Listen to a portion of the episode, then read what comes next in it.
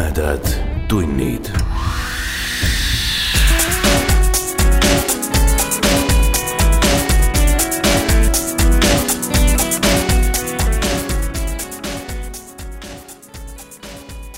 tere, hea ulmesõber. Te kuulete jutuvestmis podcasti Tumedad tunnid kaheksandat osa. mina olen saatejuht Priit Öövel.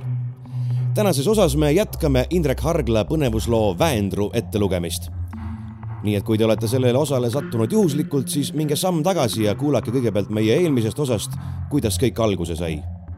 meie aga jätkame. Indrek Hargla ja Väendru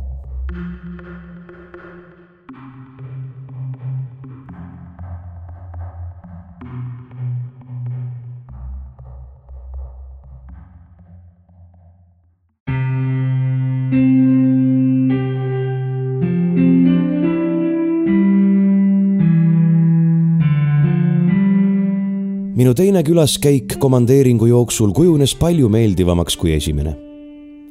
Salme Kumpanen oli ligi kaheksakümne aastane, väga kõbus ja energiline, hiljuti oma mehe matnud ja lasi hoovis jope ja kalossidega ringi.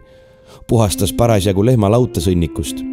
ja kui ma ütlesin, et mina olen see Väendru uusasukas, kes linnast tulnud ja siia teatrile maja remondib, lendas hark aida äärde ja mind talutati kohe tuppa nii palju olin ma juba aru saanud, et teater Tallinnast on Sõelasmaal starter.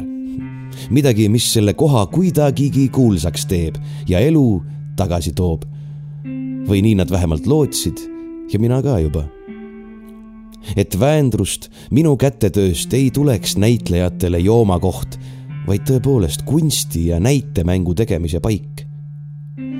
Salme ise oli viimati teatris kahekümne aasta eest käinud ütles, et kolhoos tegi oma pensionäridele bussiga Tallinna sõidu välja ja nad viidi otse Estonia suurde saali, kus miskit palli etendati. tema meenutustest mõistsin, et tegu pidi olema omaaegse kultuslavastuse Savoy palliga ja lasin mutikesel end tühjaks rääkida. mulle pakuti teed ja võileibu, selliseid hiiglasliku leivakääru ja sentimeetri paksuse võikihiga, kusjuures või oli oma tehtud nagu pasteetki, mida kurgi alla leivale määriti.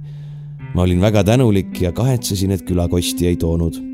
ja varsti ma leidsin, et ei peagi palju küsimusi esitama ja suunama, mainima, et äkki teeb teater mõne kohaliku pärimuse või loo järgi isegi etenduse. Salme jutt käänas nagu iseenesest kadumiste peale ta rääkis väga kiiresti, mulle otse silma vaadates, siis järsku küsis midagi vahele pealtnäha täiesti eelneva jutuga seoses mitte olevat. et kas naistemees ka oled, väljamaal oled ka palju käinud, sõjaväes, kus sa olid ja muud seesugust. ehkki vastused ei paistnud teda eriti huvitavat.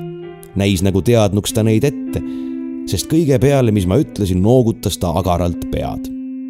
selgus, et kadunud olid ühepäevase vahega kaks nooremapoolset naisterahvast Sõelasmaalt keda Salme muidugi hästi tundis. mõlemal pere ja nii kole lugu, et ei teagi, mis sellest arvata. ega enam pärast sõjaaeg ole, kus kõik kohad olid metsavendi täis ja öösiti paugutamist kostis. ja pätte Sõelasmaal ka ei ole. Nende Toomas on tubli miilits ja hoiab siit igasugu hulgused eemal. mul siiski õnnestus viia jutt Väendru talule ja Saadide perele. jaa, ütles Selma siis. kadus ära küll mina olin siis väike plikake veel, kuid sellest räägiti ikka mitu aastat järjest. elasid nad seal kolmekesi, vend ja kaks õde, vana Heldur, kes, kes nüüd suri. Salme jaoks tähendas nüüd üheksat aastat tagasi. Katrin, kes hiljem linna läks ja nüüd surnud on ning Liidia. hoidsid nad seal kõik Väendrul omaette. Liidia kaduski ära ta oli üldse Vändroomade lastest kõige imelikum või nii. nõrga kondiga, aga ilus.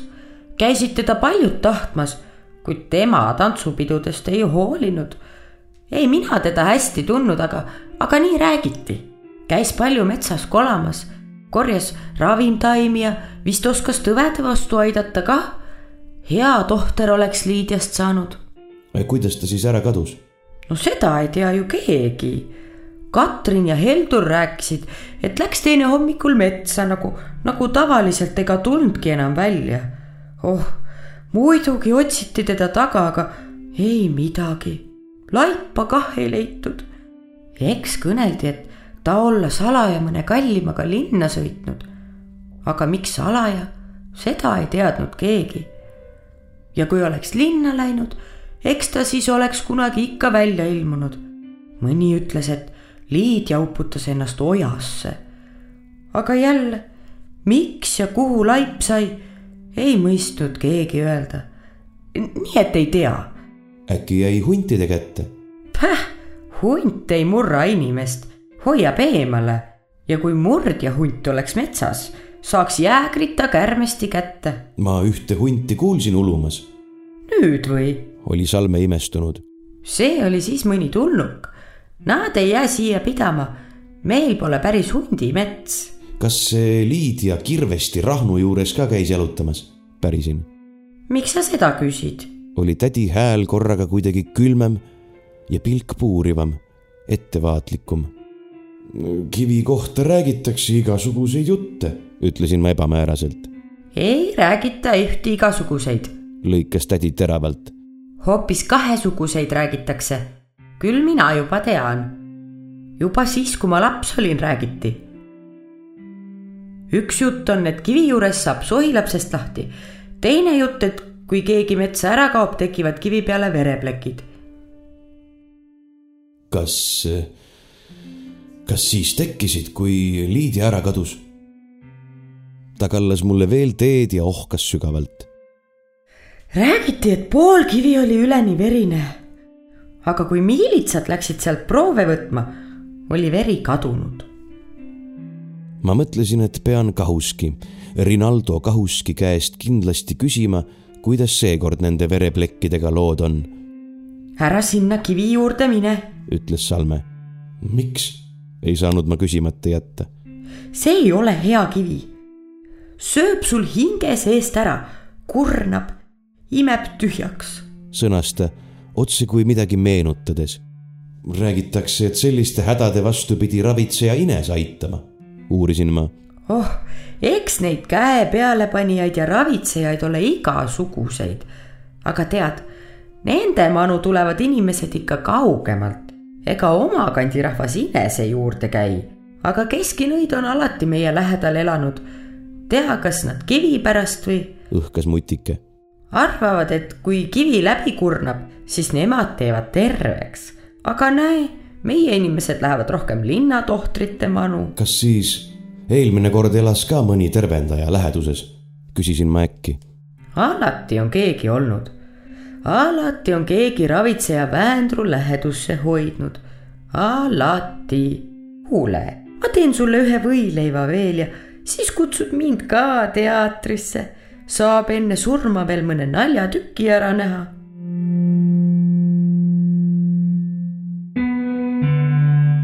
ma arvasin, et Janna on jälle jalutama läinud, kui ma koju jõuan, aga ei.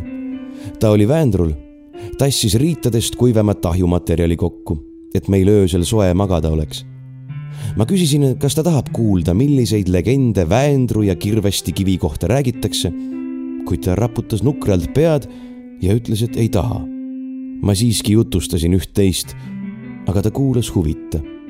katkestas mind tihti ja üritas juttu mujale viia tundsin õhus võõrandumise hirmu, midagi seletamatut. tahtsin vaadata, et ega roomaselt kirju pole. tegin postkasti lahti, aga Žanna meelitas mind eemale, diivani logule. keris end mulle kaissu ja päris, kuidas me ta sünnipäeva tähistame. ma olingi unustanud, et nädala pärast on Žannal sünnipäev. tegime siis plaane. see jutt lubas mulle taaskord tunda teda minu sügise Žannana ja kõigel muul polnud sel hetkel tähtsust. me kavatsesime küla pealt tordi tellida ja poe vahuveinist tühjaks osta ning kui me ei jõua ise kõike ära juua, pakume politseinikele. avastasime, et peale seaduse silmade meil siin tuttavaid polegi. Selliseid, keda passiks sünnipäevapeole kutsuda. Žanna ütles, et tema ei tunne siin ühtegi hinge mina mõtlesin salme peale, südikale vanale naisele, daamiks ei suutnud ma teda alandada. ning et meie kolme pidutsemine võiks väga pentsik välja näha. Ines hullumeelsete silmadega ravitsejat, kes meid enda juurde külla oli kutsunud. kas sa siis tahad, et too Ines minu sünnipäevale tuleks? Küsis Žanna vaikselt. ta silmis oleks nagu välgatanud midagi hirmu ja vihkamisega seotut. ei, vastasin kindlalt. siis me temast rohkem ei räägi, otsustas mu tüdruk. mitte sõnagi. ja me ei rääkinudki. rääkisime hoopis kirjandusest, Žanna lemmikutest, Nabokovist, Proustist. olgu muld talle kerge, mõtlesin ma alati, kui seda nime kuulsin. ja Nagibinist viimasest oli Žanna kirjutanud artikli, kuid ükski kirjandusajakiri ei võtnud seda avaldada. nii et lõpuks lasi ta sellel ühel oma sõbral internetti üles riputada. me kõnelesime Jaani hüljatute plaanidest ja Žanna arvas, et nii ebaõiglast maailma, mis hülgab armastatud näitlejad, ei tohiks üldse olemas olla. ta oli mul selline idealist. aga edasi me puudutasime teineteist. alguses otse kui muuseas kompamisi, juhuslikult. siis kasvasid meie süütud lausete lõpuks mõeldud musid üle suudlusteks, üha pikemateks ja kirglikemateks, kuni ma tõmbasin ta endale väga lähedale. sõrmed hakkasid ta pluusi lahti nööpima.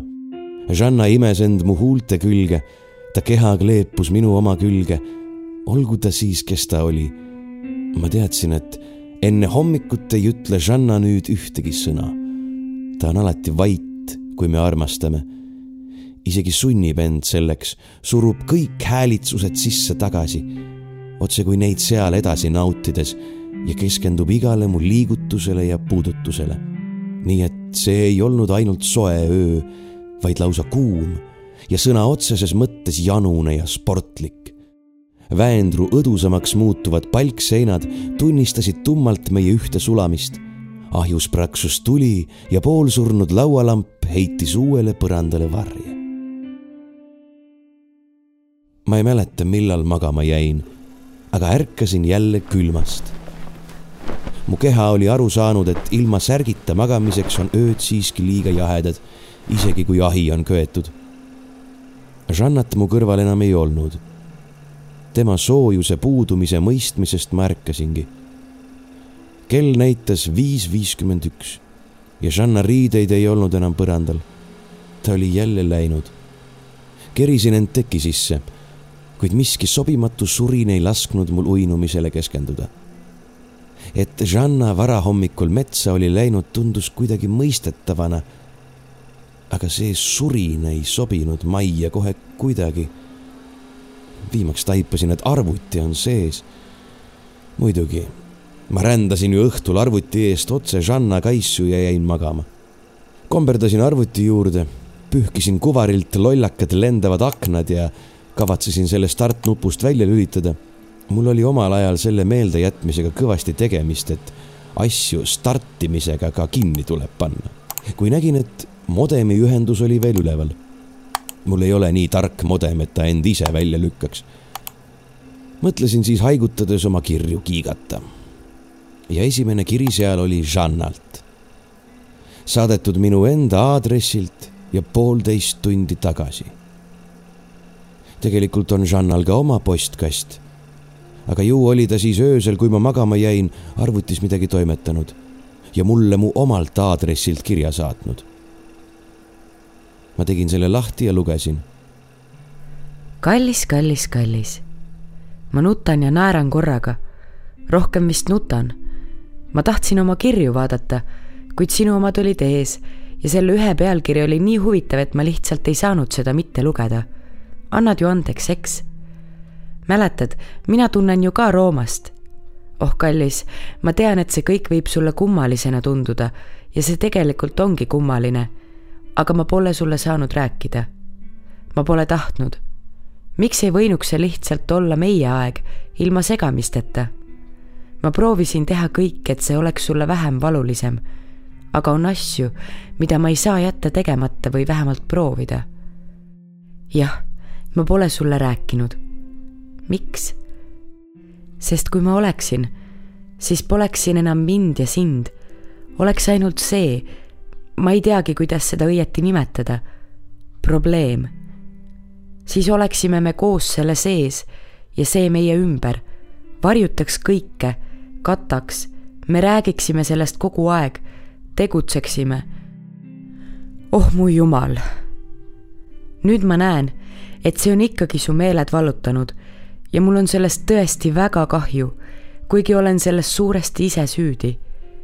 rääkida sulle ma ei saanud ja mitterääkimine on viinud sinu selleni. ma nutan ja naeran korraga, tunnen ennast tegelikult väga halvasti.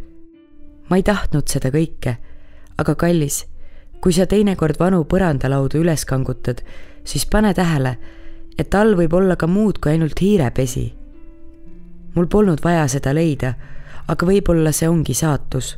kujutad vana Helduri elu siin ette? ikkagi oma laps, mõni teine oleks metsa alla matnud, aga nemad, näe, siia. ja kivi kohta, ma näen su silmist, et sa aimad, aga ei suuda asju kokku viia. Oh kallis, nüüd ei saagi me enam siin olla meie ise. see koht on meid mõlemaid hulluks ajanud. ma ju näen, et sa muretsed aga ma ei, ma ei teagi, kuidas seda öelda. palun usu mind. ma ei ole libahunt. ma olen sind armastav Žanna. suudlen sind, kuid praegu ma pean kahjuks minema. aga ma tõesti korraldan ühte head asja. Ma tulen ülehomme tagasi, täiesti kindlasti. ma luban. suudlen mitte kunagi varem pole Žanna mulle öelnud, et ta mind armastab. muus osas oli mul endalgi tahtmine nutta ja naerda korraga, vajuda piinlikkusest maa alla või teha midagi väga lolli ja haiget. Istusin tummalt arvuti ees, avasin siis Roomase esimese kirja, mille pealkiri oli Väendru libahuntidest kiri algas Roomase vabandusega, et ta ei saanud varem vastata. sõber oli välismaalt külla tulnud, keegi saatkonnas töötav diplomaat. tema kursuse kaaslane, keda ma ka ähmaselt mäletasin, sihuke paksuke veidrik ja, ja sellega olid nad pool ööd mööda Tartu kõrtse pummeldanud. Edasi tõi Roomas mõned katkendid Sõelasmaa kandist üles kirjutatud libahundi juttudest, mis üks-ühele kattuvad teiste Eesti tüüpmotiividega ning järgnes rodu linke folkloristika saitidele. sealt võisin ma Roomase soovitust pidi otsida vastuseid oma küsimustele. kas mõni legend mainib midagi naislibahundi menstruatsioonitsükli lühenemisest pärast action'it või kas soerdiks pöördumine tekitab äkilist küünte kasvu? Eesti libahundi lood selliseid detaile ei tunne Roomase teine kiri oli, nagu ta sissejuhatuses väitis, tekkinud inspiratsioonipuhangu mõjul. tal oli nüüd kavatsus Sõelasmaa ainesest artikkel kirjutada. mõningad seigad on sellist fokusseeritud lähenemist väärt, arvas ta. Sõelasmaa kandis üles kirjutatud lood. üle poole neist on võrdlemisi anomaalsed folkloristika kui teaduse seisukohalt. ma jätsin paar lõiku vahele, sest mu sõber oli öösel Vanemuise tänavas arvuti taga tõesti hoogu läinud ta kirjutas kellestki Bulfinchist ja komparatiivsest ning didaktilisest meetodist, kuni jõudis tagasi jälle Väendru ja Sõelasmaa juurde. lähemal vaatlusel selguvat, kirjutas Roomas, et selle kandi üleskirjutustes põimuvad tähelepanuväärsed anomaaliad.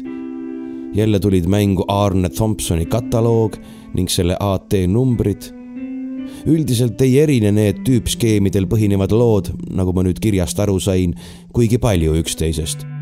ning koht, kust rahvaluule koguja on teksti kirja pannud, ei mängi topoloogilistes üksikasjades suurt rolli. ikka on tegu looga, mida jutustaja ise tõeks ei pea. muinasjutuga, teisisõnu, mida ta on kunagi kuulnud ning mille algus on umbmäärane. Kunagi elas üks kuningapoeg seitsme mäe ja mere taga või vanasti ennemuistsel hallil ajal elas üks isa, kellel oli kolm poega.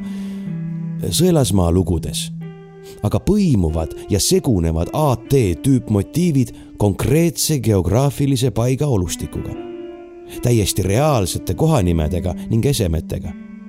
seda nimetaski Roomas anomaaliaks. Kohamuistend, mis pajatab näiteks rändrahnust, allikast, voorest või millestki niisugusest, on reeglina originaalne ja üritab käsitletava eseme eripära seletada või põhjendada. näiteks, miks on mõnel kivil nii või naasugune mõhn. Kalevipoeg andis vanapaganale sellega pikki pead. Sõelasmaa tekstides aga on ennenägematult suur hulk, üle Eesti ainulaadne, Euroopast levinud tüüpskeemide seostamist kohaliku olustiku, eeskätt kirvesti rändrahnuga. mis võiks olla selle põhjuseks? ja seda hakkabki Roomas oma artiklis välja hauduma. näitena Sõelasmaa anomaaliast tõi ta ühe tuhande kaheksasaja üheksakümne teisel aastal Jakob Hurda poolt läkitatud rahvaluulekoguja ülestähenduse. üks vaeslaps, kes kurja võõrasema juures elas, aeti talvel külma ilmaga metsa marju korjama. see oli võõrasemal juba kolmas katse tüdrukust lahti saada. eelnevalt kirjeldas tekst kahte esimest tüüpskeemil kolm võimatut ülesannet põhinevat tööd. Läks pimedaks ja tüdruk eksis ära, kuni hakkas metsas imelisi tulukesi vilkumas nägema. Neid järgides jõudis ta kirvesti kivini. tulukesed osutusid härjapõlvlaste käes olevaiks tõrvikuteks ja härjapõlvlased ise uhke haldja printsi teenriteks.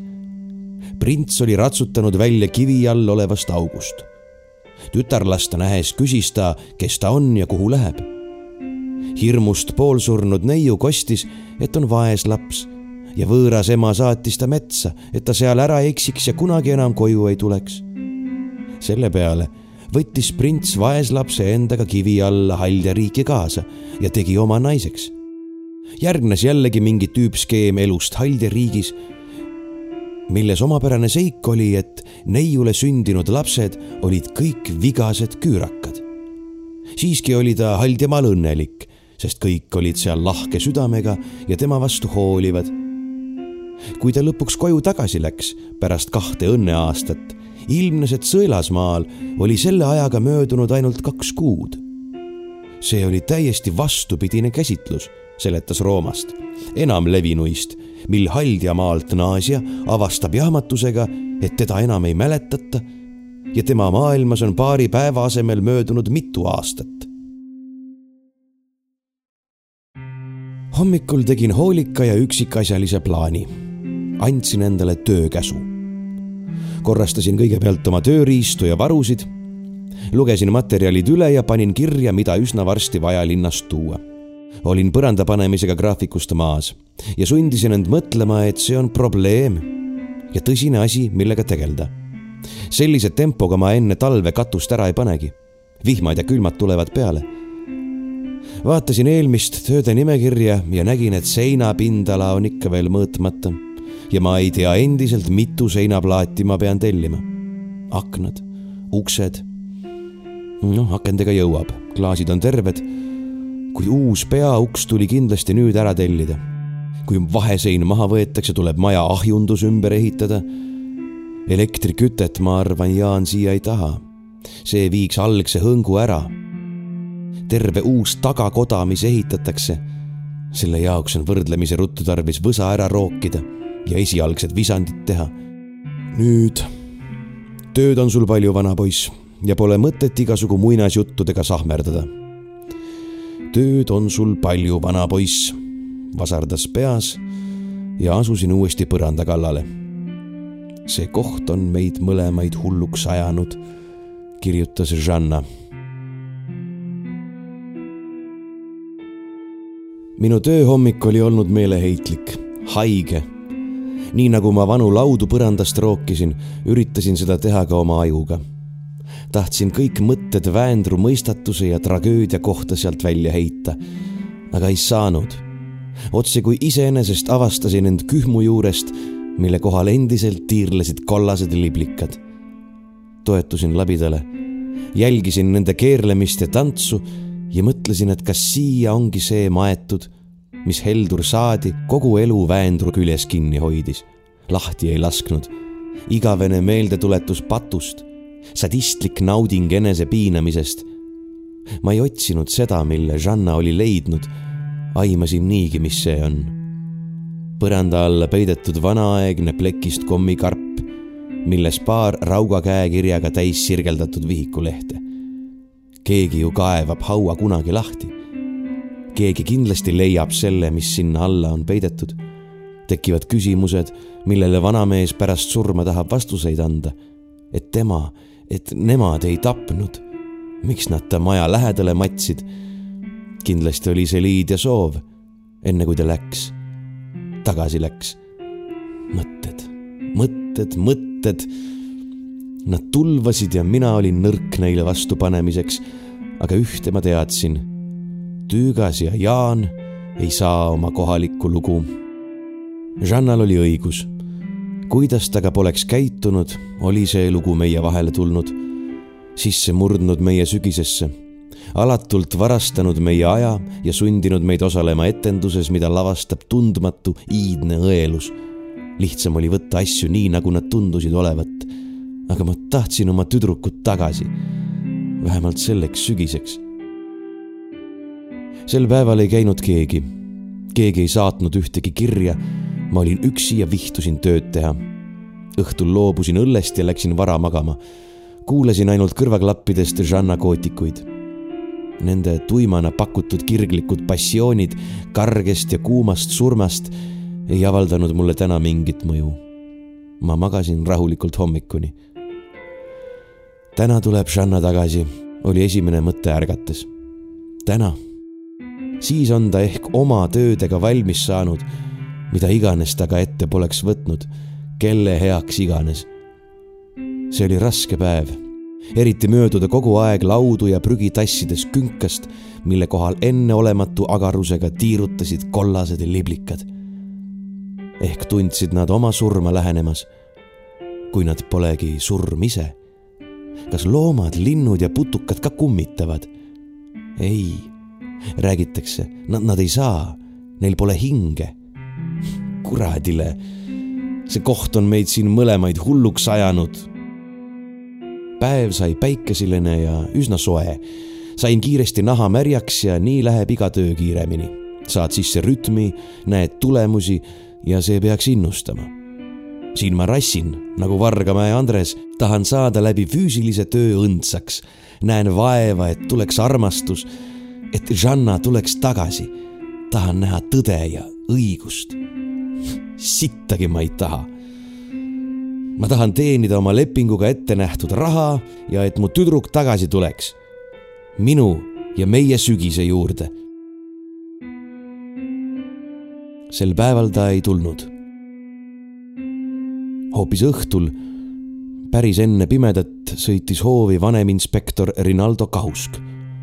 ta oli jälle üksi, konstaabli käest null seitsme laenanud ja kuulutas kohe, et tuleb ainult viivuks läbi aga keskkriminaali mehed niisama jalga puhkama ja naistest lobisema ei tule. ta polnud mitu päeva habet ajanud ja vuntsid olid veelgi pikemaks kasvanud. ma kuulsin, et käisite kumpaneni juures. poe juures tuli nagu jutuks, poole kõrvaga kuulsin. milles asi, Rinaldo, tegin ma asjalikku nägu. naabritel käiakse ikka külas. Oma eesnime kuuldes oleks ta nagu veidi kohmetunud ma saan aru, et miskit ametlikku suhet meil pole, nii et minu jaoks oled sa lihtsalt üks tuttav mees, lisasin selgituseks. õlut? Thanks, tõesti tulin korraks läbi. ühesõnaga, kuulsin ma poe juures, kuidas tädi Salme kellelegi tuttavale su külaskäigust rääkis ja viskas, et ei mõista inimesed ikka selle kivi juurest eemale hoida. Salme ütles umbes niimoodi, et muidu kena noor inimene, aga muudkui päris ja päris kivi kohta ja hästi, kuna me oleme siin õlut joonud, siis olen aus. ma olen kakskümmend aastat selle tööga tegelenud ja üht-teist näen ja tean. sa ei valeta. kuid jätad midagi ütlemata. sa tead midagi, aga tahad, et mina seda teada ei saaks. ma süütasin sigareti, et aega võita. ta ei kiirustanud mind takka tähendab, sedapidi siin veel ei nähta, et inimesed kadusid just natuke peale sinu tulekut, aga võidakse varsti näha. mina ka ei näe, aga kui sa ringi käid ja pärid kivi kohta, millelt inimese verd leiti, mina pole sulle seda öelnud, siis võin hakata mõtlema. ja kui ma ka võin öelda, et nooruses oled sa ühe kakluse pärast meilt läbi käinud, nii et näed isegi, mina olen sinu vastu aus. Ütlen isegi, et lasin su nime üle vaadata. võib-olla oli nüüd esimene kord, kus ma tõesti nägin, et Kahusk on politseist. tema olek andis mõista, et asjad on tõsisemaks läinud ja et varsti võib piir ette tulla. ma küsisin jah kivi kohta, sõnasin aeglaselt. see on ikka seesama asi, et äkki saame kohalikest lugudest etenduse teha. see võib sama asi olla, aga mitte see, mis sa mulle rääkimata jätad. Kui Eesti ajal siin üks inimene ära kadus, oli kivi ka verine, proovisin ma veel kord. ma tean, vastas ta tehtud igavleval ilmel. Sobib tööversiooniks, et keegi üritab mõrvadele mingit müstilist ilmingut anda. või lihtsalt juhus. või muistand, aga midagi on veel. kõik mu töö ja vaev, kaks päeva rabamist, et Väendru legende peast välja saada, kallati korraga külma pangega pähe tagasi. Ma tõmbasin hinge ja ütlesin. Žanna leidis põranda alt Heldru Saadi kirja mees tahtis enne surma südametunnistust kergendada ja pani oma elu suure patu kirja. nii, ütles Kahusk. nüüd hakkame juba kuhugi jõudma. ei, mitte. sulle ei paku see huvi, miskit kriminaalset siin pole või enam ei ole. kõik, keda see lugu puudutas, on nüüd surnud. vaata, mina olen teatriinimene ja hoolimata sellest vanast kakluse loost. ja ma saan aru, katkestas ta mind sa tahad öelda, et politseile pole siin midagi. aga kunstiinimene ja tema tundlikkus näeb asju oma silmaga, olgu peale. kuid räägi see lugu mulle ära. ma panin nüüd sõnadesse pooled asjad, mis mind vaevasid ja sõnastasin Väendru tragöödia mingisse loogilisse seosesse. siin elasid enne sõda kaks õde ja vend. Elasid omaette ja vaikselt. Liidia oli vähe kummaline, aga ikka käidi teda kosimas kuid tema ei läinud kuhugi. no sa ilmselt tead, et lõpuks ta siiski läks, aga metsa ja ei tulnud enam kunagi tagasi. ma tean, muigas ta kergelt. nii seda lugu räägitakse. aga mida sina tead? mina tean, et Liidia tuli tagasi küll, üheks korraks. Ta ei läinud mitte niisama metsa uitama, vaid kirvesti Rahnu juurde, kus ta oli kogu aeg kolanud ja lootnud ta läks siis, kui sünnitus lähedal. lahti saama lapsest, mida ta kandis ja kelle isaks oli ta enda vend, Heldur. räägitakse, et kirvestil saab rõugutaja abiga sohilastest lahti. see on selline vanarahva jutt. noh, aga Liidia oligi kummaline tüdruk ja võttis seda tõe pähe. Rahnu juures ta sünnitas, sellest ka veri kivil. laps oli küürakas, väärakas ja suri sünnitusel Liidia tõi lapse siia. ma ei tea, mida sellest kõigest teine õde arvas. aga nad matsid lapse maja taha. ja siis Liidia läks ega tulnudki enam kunagi tagasi. kadus kuhugi, kus teda keegi ei tundnud ja kus ta sai oma patu ja murega üksi olla. ilmselt on ta ammu surnud. sõda tuli ju varsti peale. Vaat selline lugu. Kahusk mõtles pikalt ja nägi üsna löödud välja kus vanamehe kiri on? küsis ta lõpuks vaikselt. Žanna käes. Heldur pani loo kirja, juhuks kui keegi maetud lapse kondid avastab ja teda kahtlustab. kas te kaevasite haua lahti? muidugi mitte, hüüatasin ma. mis kuradi pärast peaksime me seda tegema? ma tasandan haua ära ja passin peale, et see ümberehitamistele ette ei jääks. Ma tahaksin seda kirja näha, ümmises siis Kahusk. paber kannatab kõike igasuguseid asju pannakse kirja, tead. milleks on sul vaja seda näha? vanamees võis jama ajada. ta võis Liidiaga maha lüüa, nagu lapsegi. aga sellises kolkas on inimestel pikk mälu. muide, verejutt kivil on väga huvitav ja see sohilastest lahtisaamise legend. Heldur ei tapnud oma õde, olin ma kindel, ega oma last. vaata kui asi on tapmistes, siis pole sul õrna aimugi, kuidas ja miks tapetakse. oled sa seda kirja ise lugenud? no mitte päris. Žanna, ma sain Žanna käest teada. ja millal Žanna tuleb? ta homme, ma arvan. tal oli vaja korra ära käia ja ühesõnaga, ühesõnaga, sa ei tea, ohkas ta väsinud ilmel.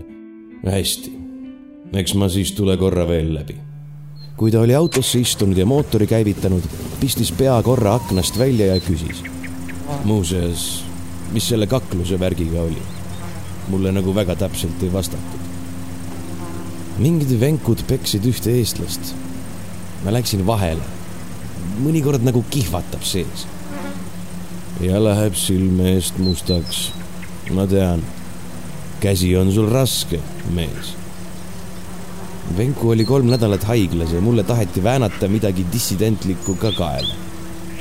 tervita Žannat, ütles kahus ja null seitse tegi hoovil efektse pöörde, nii et pori pritsis. kogu öö ma ootasin Žannat. ta ei tulnud kui kaks aastat on kaks kuud, siis üks päev siin on umbes kaksteist päeva seal. mida sa seal ometi nii kaua teed, Žanna? kas sinagi leidsid Haldja printsi? Gotika uinutas mu magama. Žanna ei tulnud ka järgmisel päeval. mõtlemine muudele asjadele ei toonud rahu.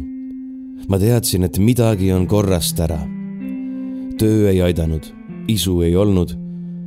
Kahuski petsin ma ära, kuid kauaks ja milleks? lõuna ajal, kui läksin kirves käes üle hoovi, nägin silmanurgast hauda, millel ikka veel tantsisklesid kollased liblikad. kui äkki käis minus miski klõps.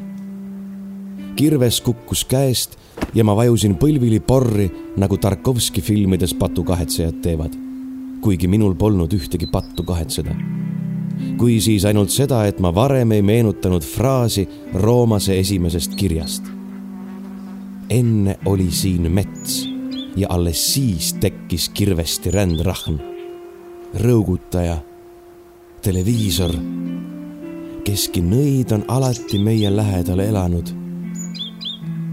siis me temast rohkem ei räägi, mitte sõnagi hirmuviha sähvatus Žanna hääles ja silmades inese silmis pöörlev hullumeelne raevumaailm. mida sa tahad siit, inese moor, ah? ma peaaegu karjusin need sõnad ja mingi teadvus minu teadvuse sees vastas, et sa ei tohi jälle nagu tookord kaklusse söösta. nii palju on sul aega küll, et hetk järele mõelda, aru pidada, nõu küsida. kellelt? Roomaselt mida tema teab. tema jaoks on need legendid, folkloor ja paremal juhul anomaaliad. ma siiski läksin, sundisin end kõndima, mitte jooksma arvuti juurde ja saatsin Tartusse kirja. rõugutaja, Roomas rõugutaja. kas on midagi veel sellest olendist? mis ta on? nõid, haldjas, ükskõik mis või kes, mida ta tahab veel mõni tavalise folklooriga mittehaakuv vihje, veel mõni seos legendide ja reaalsuse põimumisest, mõni muinasjutulise vahuga looritatud tõetera. vasta kohe, kiiresti, palun. istusin ligi tund aega arvuti juures. klõpsisin iga paari minuti järel reload kirjaikooni, ootasin, suitsetasin, kuulatasin iga häälitsust ja liigutust. ja siis, kellelt rkingu at folkloor.ee kellele luuser üks kolm neli at hot.ee. subjekt, re, rõõgutaja. ta oli terve tunni arvutisse tagunud vastust kiiruga, isegi palavikuliselt. lood kuigi selged. sõna päritolu on segane, isikus võib täheldada mitmeid motiive ja laene.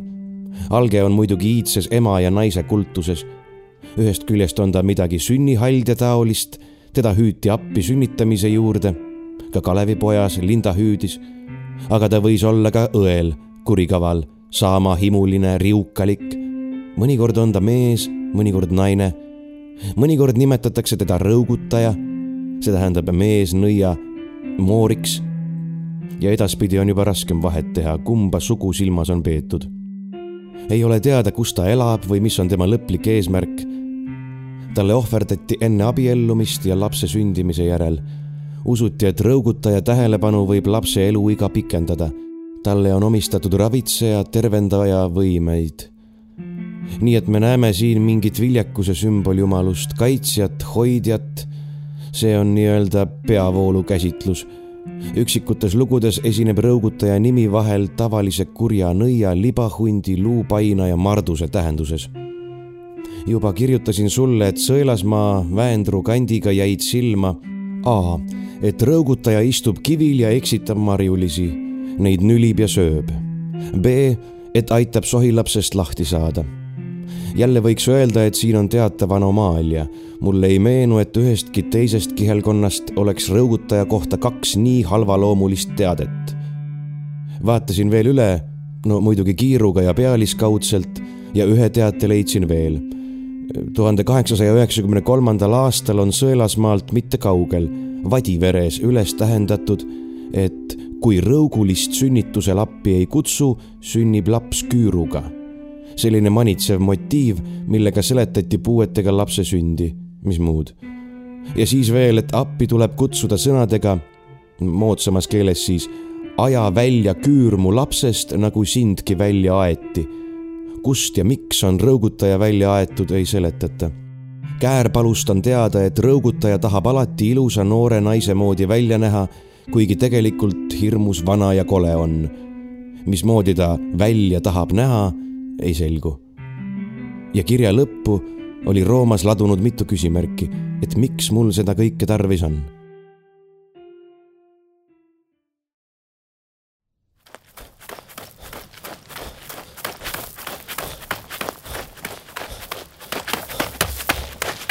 Toigrule ma jooksin.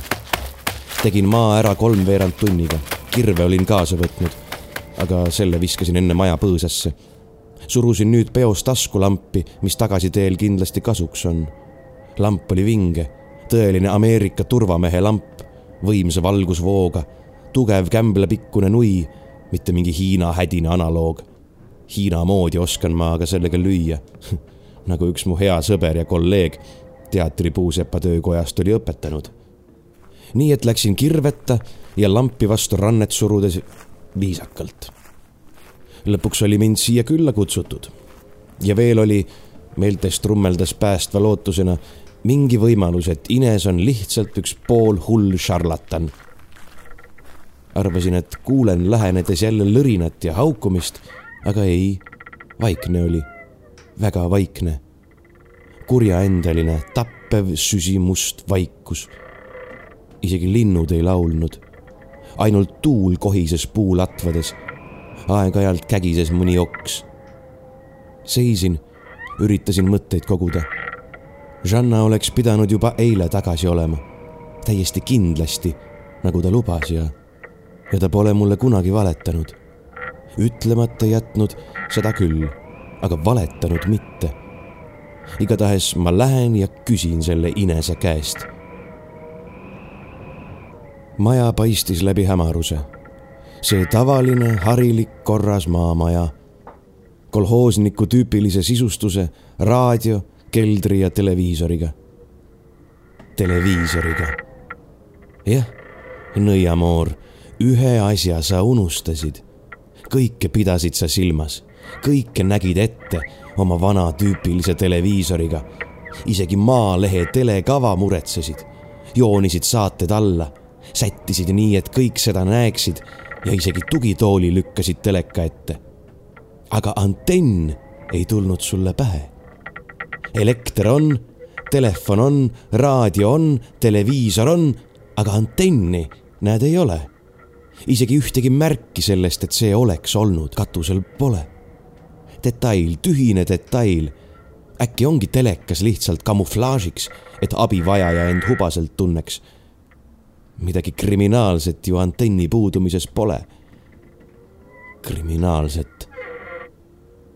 ma lähen siiski ja küsin su käest, Ines, kuidas selle televiisori ja kirvesti kiviga on, eks? sa ju ise kutsusid mind külla. maja polnud muidugi Inese ehitatud. Ma ei teadnudki, kes ja millal seda teinud oli. eelmine Ines, et saaks lähedale kirvestile ja võib-olla ka Väendrule ma läksin ja avasin värava. kiikasin koerakuudi poole, mis oli tühi. isegi üüratud konti ei olnud enam näha. sammusin üle hoovi, avasin tuttava ukse ja esimene asi, mis mind jalust maha tahtis niita, oli läppunud, rõske, mädanenud hais, mis tuli läbi pimeduse. ükski lamp ei põlenud, kõigil akendel olid kardinad ees. käsi kobas seina uksepiida kohal, otsis automaatselt lülitit.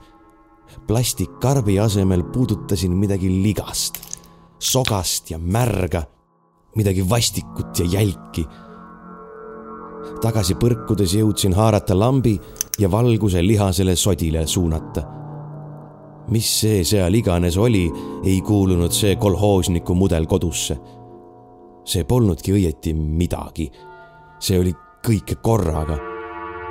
valgus libises üle seina, sinna, kus mõned päevad tagasi oli olnud köögiuks. terve sein, uks, kõik oli täis mingit musta jälki lima see haises nii, et süda hakkas pööritama ja hing jäi kinni. Surusin parema käe varruka vastu nina ja suunasin valgusvihu edasi tuppa. ei mingit televiisorit ega mööblit. akendel seesama haisev liga, mis tegigi kõik nii pimedaks. põrandal löganes sodi. mulle tundus, et see isegi mulksus või podises kuidagi ja muud mitte midagi. nõidus oli kadunud pettenõidus kõik see standardne kamuflaaž. Ma mõistsin, et see polnud isegi dekoratsioon, sest see oli esimene mõte, mis mulle siin käies pärast pähe oli tulnud. isikupäratu lavakujundus, nii nagu ühe ravitseja maja oleks pidanud välja nägema. Ines! röögatasin ma. tule välja! ma ei karda. muidugi ma ei karda, lihtsalt on aeg kogu sellele jamale lõpp teha ühel või teisel viisil. astusin sammukese edasi. Midagi lirtsus jalge all, hinge lämmatas mädanev rõskus. nõiakodu, selline ongi tõeline nõiakodu. siin on kõik, mis ta eluks vajab, ei mingit tarbetut butafooriat. toas polnud mitte kui midagi lambi vihk libises üle seinte, igal pool löga ja lima, hais kõdunev, mädanev solk. muud ei midagi. Ines! Rõugutajat ei paistnud kodus olevat. vaikus. ainult sammude lirtsumine ja kerged plopsatused seintel. aga siis tundus mulle, et midagi oleks nagu kuskil liigutanud. mingi ähmane vari või kerge hämaruse liikumine. see tuli sealtpoolt, kus oli uks Inese magamistuppa ma hüppasin ja suunasin kiirte kimbu avausest sisse. Võib-olla lootsin näha vana nõiamoori mustas limases voodis magamas. ma ei tea. ei, see polnud seal Ines. see polnud Ines, kes aeglaselt minu poole liikus. rohelised silmad põrkusid valgusvihku, silmad täis vihkamist, kuid mitte Inese silmad ma suutsin vaevalt aru saada, mis valguses minu poole liikus, maast kerkis, end kokku tõmbas, hüppeks valmistus. kindlasti oleks koer tahtnud haukuda, aga loomadelgi on omad uimastusained, mis nad reaalsusest välja lülitavad. nagu näiteks need kaks poollagunenud laibajäänust toanurgas, millest elajas oli end õndsas limas püherdades ogaraks söönud suutsin märgata moonutatud laibakänkreid, lihamäge ja isegi meenutada, kas too polnudki mitte inimese kont, mida koer oli eelmisel korral kuudis järanud. inimlihaga harjunud elajas. ent lamp, kartsin ma, ei suudaks mind tema eest kaitsta. kui ta hüppas, lõin ukse kinni ja toetasin selja vastu. kurgus tekkis klomp ja pressis välja peni surus end teisel pool vastu ust, hakkas aeglaselt kiunuma ja inisema. Ta oli jälle näinud värsket liha, mis paar päeva tagasi oli tema käest ära libisenud. ja alles siis meenusid mulle tädi Salme sõnad, et need olid olnud kaks noorepoolset naisterahvast ja perekonnainimesed visalt ja vihkavalt surus koer end teiselt poolt vastu ust ma pidin siit välja saama, kui ei taha kokku vajuda ja oksendada.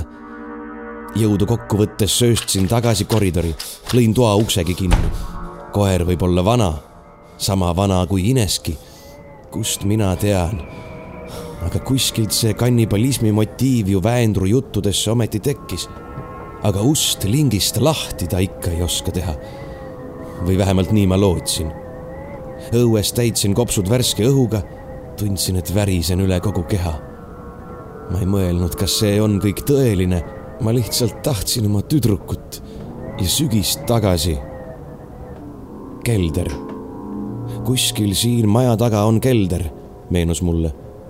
taarusin läbi õue. oli veel piisavalt valge, et ilma lambita näha. hoov oli puhas ja korras. isegi maja aknad näisid täiesti tavalised, paljastamata sees valitsevat õudust. ait oli tabaga lukus, puukuur korralikult halge täis laotud, kaevu ääres kolm ämbrit kõik suuruse järgi järjekorras. aga viha, raev ja lootusetus tungisid minust välja. Ines! röögatasin veel kord ning ainult metsast kaikus vastu õõnes kaja. kelder kujutas endast mullaküngast, taladega sõrestikuga, seest ilmselt valge tellisega vooderdatud. või vähemalt sellisena võiks ta päeval inimesele paista. taba ei olnud ees taba oli hiljuti lahti keeratud, uks oli paokil. kui sa oled kodus, Ines, siis oled sa siin. asetasin käe ettevaatlikult külmale metallile ja poetasin ust. lambi valgusvihk tungis sügavusse ja miski volksas selle eest kõrvale. miski häälitses, kiunatas ehk. ma ei tea, ma ei jõudnud sellele mõelda nägin, et seinad olid tõesti valgetest tellistest ning keldri külgseintele oli ehitatud kartulisalv. tagaseinas seisis riiul hoidistega, purgid, potid, pudelid, selle all veel miski, mida ma veel hetkel täpsemini ei näinud. nii palju jõudsin ma silmata, enne kui valgus langes heledale esemele, mille eemale hüppav kogu oli kõrvale heitnud. tegelikult väga lihtne mõista, mis see oli juhul kui sa oled midagi sellist varem näinud või su vaim on valmis. mina polnud näinud ja vaim polnud valmis. ma juba teadsin, et Ines seisis minust mõne sammu kaugusel. hingeldas, kiristas hambaid, kähises, kuid ma jõllitasin vaid tummalt seda laiali laotatud asja minu ees keldririiulil. vaatasin ja ei suutnud uskuda põimuvad rõngad. idamaade sümbol rahuotsinguist. neli helepruuni rõngast valgel taustal. kakssada krooni maksis selle tegemine, oli Žanna öelnud. seda verest paakunud nahka olin ma kolm päeva tagasi suudelnud. see oli mu käte all mänginud, mind silitanud. ma mäletasin iga selle puudutust ma olin olnud selle sees ja see oli mind üleni ümbritsenud, uputanud. see, mis Žannast peale nülgimist järele oli jäänud, lebas nurgas. ikka veel äratuntavalt inimkeha, ainult üleni punane. Ines ründas siis, kui ma karjuma hakkasin ja sööstis kohalt, kiunudes, imekiiresti pikk terav nuga ette sirutatud. mingi loomaliku reaktsiooniga jõudsin ma lambiga lüüa, sähmata, meeltes raev ja ahastus. tabasin midagi, ilmselt tema kätt, kuulsin metalli kõlksatust kivipõrandal. kähises loomalik hääl, rõugutaja hääl. siis ma jooksin eemale, maja poole, aida poole, ükskõik kuhu aida nurgal seisis vastu palke toetatuna hang kasvõi sellega tormasin üle hoovi, haarasin hangu pihku, tõstsin selle värisevate kätega Inese poole. kui ma tahtsingi midagi öelda või karjuda, siis ma ei suutnud. nüüd nägin ma teda õhtu hämaruses, alasti vana naist, üleni verist, minust mõned sammud eemal. sisises naine, kes oli nülginud Žanna ja endale tema naha ümber sobitanud ta oli alasti, täiesti alasti, kortsus, krobeline, kiitsakas, üleni verine, taarus mu ees, siis ta vilistas ja maja ukse tagant kostis kobinat. kiunus Ines, ent koer ei pääsenud majast välja. kui ta tahab mu tappa, siis peab ta ise proovima kõigepealt ajan ma tema hangu otsa, lasen ta haisvad soolikad välja ja siis koeral ja siis edasi. tule, rõõgutaja, ütlesin ma. tule. ja viibutasin hangu. sind ma ei taha, Reo, aga sa ise ronid. ta lähenes aeglaselt, vankudes ja sisisedes, sirutas käed ette, pikad kondised tõmblevad ta isegi tilkus veel Žanna verest. kui palju olin ma hiljaks jäänud, siis nägin ta silmi. kuid nüüd polnud need enam nii kohutavad. nüüd olid ta silmad kooskõlas keha ja liigutustega. üks osa hullumeelsest tervikust. haige nõid, haige, hullumeelne vana eit, elajas, tõbras, mõrtsukas. miks? Kuidas? miks? küsisin ma. kohe torman ma tema poole ja ajan hangu otsa. mida sul vaja oli? sina, lipa, sellest aru ei saa. nüüd ta lausa ulgus. Nad ajasid mu välja, tohud, ajasid minu välja. sinu libu käis sinna ja sättisid kivi tropiks ette, mis siis selle all ka ei asuks. värav, käik, tunnel, mõõtmenihe, lisasin ma mõttes. ja siis sa tapad, haige elajas. tahad pugeda võõrasse nahka, et sind ära ei tuntaks ja taas läbi lastaks. Žanna, mu kallis Žanna pääses sinna ja seda sa oled siin kogu aeg varitsenud, et kellegi nahas läbi pääseda. korraga tekkis mu kõrva mingi müra, mis ei sobinud siia. ka hüppeasendisse tõmbunud Ines vibutus püsti ja nuhutas õhku. läbi õhtu hämaruse tungisid kaks valgusvihku. automürin, mille ma korraga ära tundsin. null seitse. ka nemad tulevad liiga hilja või liiga vara.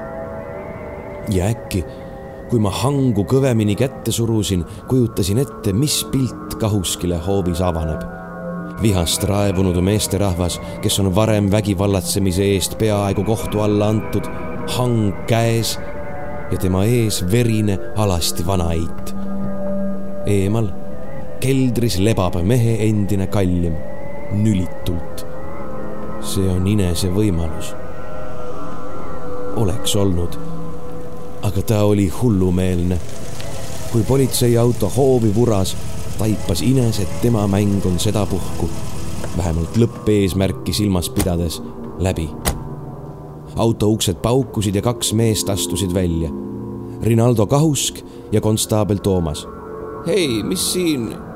Ines, alustas Toomas ja tuli meile lähemale. ta tuli kiiresti jooksusammul samal hetkel hüppas vanamoor õhku. ta hakkas pöörlema. maast meetri kõrgusel muutus ta vihisevaks ja keerlevaks tombuks. halliks, punaseks, pruuniks känkraks, vuhises, sisises ja mulle lendasid näole räigelt haisvad süljelärakad. Kahusk ja Toomas seisid kivinenult ja siis potsatas Ines maha tagasi, otse jahmunud konstaabli jalge ette rögises vanamoor. Reo, tapan! koer ulgus majas ja kargas vastu ust. Inese vasaku käe küüned olid kasvanud poole meetri pikkusteks luunugadeks. tagasi! röögatasin ma. ta on hull! see ei mõjunud konstaablile. ja kuidas saanukski? ta oli omadega täiesti segi, tumm kui soolasammas ja jõllitas alasti verist vanamoori kelle juuksed olid peas püsti tõmbunud, silmad paljastades kogu võimatuse. Ines hüppas kohalt, käsi vuhises läbi õhu sama kiiresti, kui ta seal enne tiirelnud oli. ma peaaegu ei näinud selle liikumist.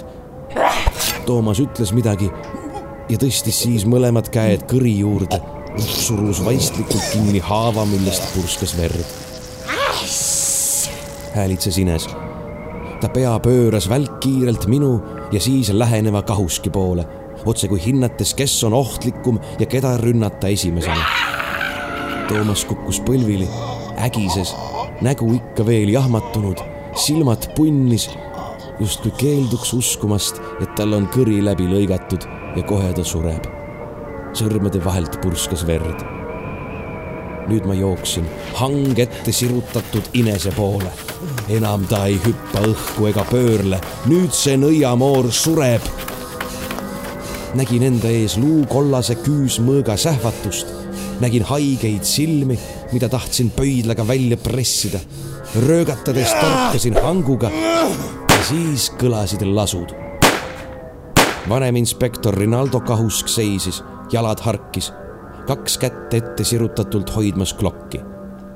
Mitte nii, nagu talle õpetati Nõukogude ohvitseri määrustiku kohaselt miilitsakoolis, sportlikku ühe käe laskeasendit, vaid nii, nagu ta oli näinud Ameerika filmidest, nii nagu peab laskma. millegipärast mõtlesin, et metsa vahel ei kõla püstolipauk üldsegi sel kombel nagu filmides. lihtsalt mingi plaksatus mis puude latvadest vastu kajab. plaksatus, nagu lööks keegi kepiga vastu laudu, mitte pauk. Esimene kuul tabas inest reide. nägin, kuidas must liha sellest välja voolas. kloki kuul läks temast läbi, rebis keha lõhki ja tungis vingudes aida seina. aga see ei hoidnud teda tagasi. rõugutaja löök kõlksas vastu hangutera see oli nii tugev, et saatis impulsi mu randmenärvi. järgmine lask ja löök toimusid samaaegselt. Veel üks kuul läbistas nõia jala. mina torkasin hanguga, kuid Ines kaldus kõrvale ja rehmas vastu. tundsin põletavat valu rinnas. isegi tuule liikumist, kui küüs mu riideid rebestas ja vere vallandas. ma ei pööranud sellele tähelepanu. ma tahtsin ta hanguga tappa, sodiks hakkida üks, kaks, kolm, neli lasku järjest. Kahusk seisis kindlana ja tulistas lähedalt, otse sihtimisega alasti vanamoori. ma nägin, kuidas nõid vankus. iga löögi tabamuse järel tasakaalu kaotas, nagu oleks keegi teda rusikaga rindu löönud. kuulid lõid temast välja musta sodi, enne kui palk seina plaksusid. hang varises mu käest. ma lihtsalt seisin ja jõllitasin kuidas maha lastakse. tabatuna kuulidest, kui temast verist musta löga välja voolas, pöördus Ines Kauski poole. ulgus nagu ka koer ukse taga, ulgus ja astus inspektorile aina lähemale. viis, kuus, seitse plaksatust. kolm lööki tabasid veel Inest. lõpuks ta peatus. ma kummardusin hangu järele, kuid teadsin, et see on mõttetu seitse lasku rindu ei suutnud teda tappa. Kloki löögijõud ja kuulid, mis ihu rebestasid, ei suutnud teda tappa. rõugutaja ulg läbistas mu kere, viilis konte, tahtis kuulmekiled lõhki rebida. rõske, läppunud mäda hais täitis õhu ja ümberringi plärtsatas musti tükke, mis olid rõugutaja ihu Kauskit ja Inest lahutasid mõned sammud nõid tõstis käe, et küüntega inspektorile lõpp teha. Minu hangu ta ei peljanud. minuga tegeleb ta pärast. Rinaldo ei lausunud sõnagi. viivuks vaatasid nad tõtt. sina, Reo! ulgus rõugutaja. sina liba, Juudas! ja see viimane sõna lendas kriiskava pika U-ga läbi mu keha kahuski parem käsi rabas rahulikult rinnataskust uue pideme. Klõksatuste saatel vahetas ta selle imekiiresti ja kindlalt. isegi vaatamata, kuidas nõrkenud, ent siiski elusa inese küüs löögiks valmistub. hoia eemale, ütles inspektor mulle kiiresti ja kindlalt. tõstis veidi püstolit, suunas selle otse inese pähe ja tulistas. kuus lasku mis rebisid nõia pea kildudeks. Must soga ja luutükid pritsisid mu peale. Inese pea plahvatas. lendas tuhandeks tükiks. Need pidid olema õõnsa otsaga kuulid, need, mis kohe kehast välja ei tule. Ines, rõugutaja, nõid oli surnud. ta kukkus äkki selili maha ja nüüd ulgus meeletus raevus koer majas. Viimane õudus kestis umbes minuti, kui me kahuskiga seisime ja vaatasime. kõigepealt tõmbus laip kronksu, siis rebestus nahk, tõmbus lihalt lahti, sisises, kärssas ja pudenes maha, kuivas viivuga põrmuks. must liha muutus lögaks voolas kontide ümbert maha, imbus mulda ja haises. jäi luustik, kondid praksusid, krõksatasid üksteise järel, luukere murdus värskest õhust. sellest pudenesid välja siseorganid, mustjas roosad. soolikad väändusid läbi kontide nagu surevad maod, lõhkesid, pritsisid läppuvat lima ja röga. kondid pragunesid lagunesid koost. ja siis oli rõugutajast järel ainult peotäis tolmu ja must haisev plekk.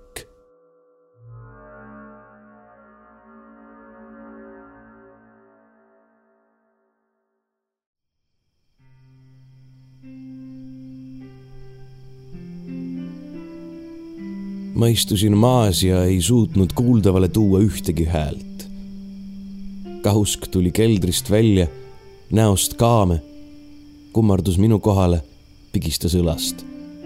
Toomast ei saanud me enam millegagi aidata. ta oli surnud. kõri poolest sügavusest puhtalt lõhki rebitud. kahusk kattis ta autost toodud tekiga ja helistas siis mobiilil. ma ei kuulnud, mida ta rääkis siis haaras ta mu taskulambi ja uuris tähelepanelikult kohta, kus oli olnud Ines ta kükitas ja otsis ettevaatlikult kokku kõik välja tulistatud kuulid. koukis neid kiiresti ja oskuslikult aida seinast ning kogus seejärel sama hoolikalt kokku padrunikestad. nii palju, kui ta neid leidis. klokk viskab kestad ju kaugele. ta nahkjope põuest ilmus veel taskupudel, valge viin. ma jõin, tõmbasin viina kurku läkastasin ja köhisin. pisarad tulid silma, aga viin aitas. see aitab alati. ma ei suutnud keldrisse tagasi minna ja vaadata seda, mis oli Žannast järele jäänud. aga ükskõik kui valus, ma pidin teadma. pärast järgmist lonksu ma küsisin, millal? Raske öelda, pomises kahusk üsna hiljuti nülgimine võtab aega. parema jala sees on koerahammaste jäljed, kätel rihmajäljed. kuidas? kahusk ei vastanud. ma haarasin ta jope rinnust kinni. kuidas? ma pean teadma. ta ei lükanud mu kätt ära, vangutas pead ja ma lasin ise lahti. Talle oli nahka tervena vaja, sõnas kahusk väga vaikselt parem on, kui sa ei. ma vaatasin talle otsa sellise pilguga, et ta lõpuks siiski ütles. seesama nuga, mis maas vedeleb, torkas läbi silmade aiu. Žanna tuli koju. ta tuli siis, kui oli lubanud. tuli minu juurde tagasi, saavutanud ja saatnud korda kõik, mida tahtis. seal Haldjamaal või, või kus iganes ta tuli kirvesti juurest või oli seal lähedal, kui Ines lõukoeraga teda varitses. kinni võttis ja siia lohistas. võtsin veel lonksu viina. kahusk tõusis ja läks maja juurde. kuulsin ukse kääksatust, lõrinat, veel ühte lasku ja lõpuks haledat kiunatust. midagi kukkus tumeda mütsatusega kokku.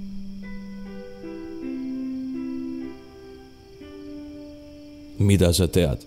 küsis Rinaldo. mida ja kui palju sa tegelikult tead? sa ei usuks.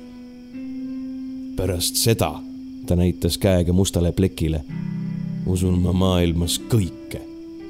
kui tahad, siis räägi. Praegu saad sa mulle rääkida, praegu ma usun. aga kellelegi teisele sa kunagi seda enam rääkida ei saa. kirvesti kivi all on värav. kuhugi. haldja maale, nagu seda muistendites kutsutakse. Žanna leidis selle üles ja käis seal. ma ei tea, miks. ta oli selline, eriline. ta suutis sinna minna. igaüks ei suuda aeg käib seal teistmoodi ja meie maailmast pärit naised sünnitavad seal vigaseid küürakaid. legendid on väljamõeldiste ja pooltõdedega segunenud. Väendru Liidia läks ka kunagi sinna. seal ollakse, mulle tundub, õnnelikud. sundisin oma sõnad selgeks. see tundus otse kui pääseteena hulluse eest. nii, ütles Kahusk ja rüüpas pudelist nii, nii. ja see elajas, ta oli hüljatu, tõugatu. ta aeti kunagi sealt välja ning värav suleti kiviga. ma ei tea, mis või kes ta tegelikult oli. müütides kutsuti teda rõugutajaks. ta on varitsenud siin aastasadu, tapnud naisi ja üritanud nende nahast tagasi minna. ta oli liiga hull liiga haige uskumaks, et see õnnestub. kes teab, pomises politseinik. kes teab? mida sa nüüd kavatsed teha? ta vaatas mulle pikalt otsa ja pilutas silmi. kahe inimese asemel on nüüd neli kadunut. ma ei osanud midagi öelda. see aetakse korda, ütles ta siis. mine koju ja joo ennast täis. siis hakkas ta mobiil helisema. ta läks eemale vastama. ma ei kuulnud, millest ta rääkis. nii palju sain aga aru küll, et kõneldi saksa keeles. koju. millisesse? väendrust ei saanud minule ja Žannale sügise kodu. väendrust ei saa teatrit. vähemalt mina ei ehita seda. ei taha ei suuda ehitada. hüljatud näitlejad peavad endale mujalt kodu leidma. või siiski. aga ma tahtsin näha kirvesti kivi. kordki elus näha seda kivi, mille pärast Žanna tapeti. kui ma olen tema Saturn, siis on ehk minuski midagi Žannast. äkki voolab ka minus tilgake seda verd, mis ütleb, mida teha, mida mõelda, mida puudutada kivi juures mis pidi küll sulguma, kuid mis mõnikord siiski kellelegi avaneb. ma korraldan ühte teatrireisi. seal, kus aeg voolab teisiti kui maailmas, mis hülgab oma armastatud näitlejad. ma võin vähemalt proovida. see on kõik, mida ma saan teha minult röövitud, armastatud ja tapetud tüdruku heaks. üritada lõpule viia seda, mida ta alustas. Kahusk rääkis ikka veel telefoniga. ma rüüpasin tema pudelist viimase lonksu. aga sõrmed olid kanged ja pudel kukkus maha. kui ma seda üles tõstes maad kobasin, puutusid sõrmed vastu mingit metallset eset. vaatasin seda ühte kuuli polnud Rinaldo siiski leidnud see vedeles otse mu põlvede juures. see oli kummaliselt raske kuul, hallikas metallitömp ja ma arvan, et see oli hõbedast. veeretasin selle mustava laigu poole, et Rinaldo selle leiaks. siis tõusin ma püsti, et komberdada kirvesti kivi juurde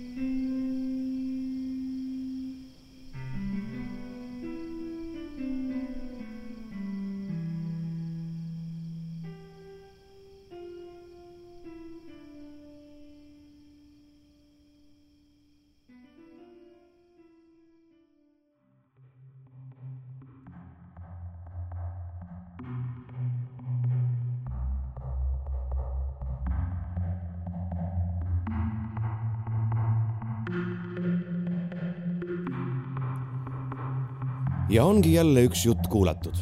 järgmine Tumedate tundide osa jõuab teieni oktoobrikuus seniks aga on teie kriitika ja kommentaarid oodatud meie Facebooki lehele Tumedad tunnid podcast. jagage meid oma sõprade ja vaenlastega. Kuulmiseni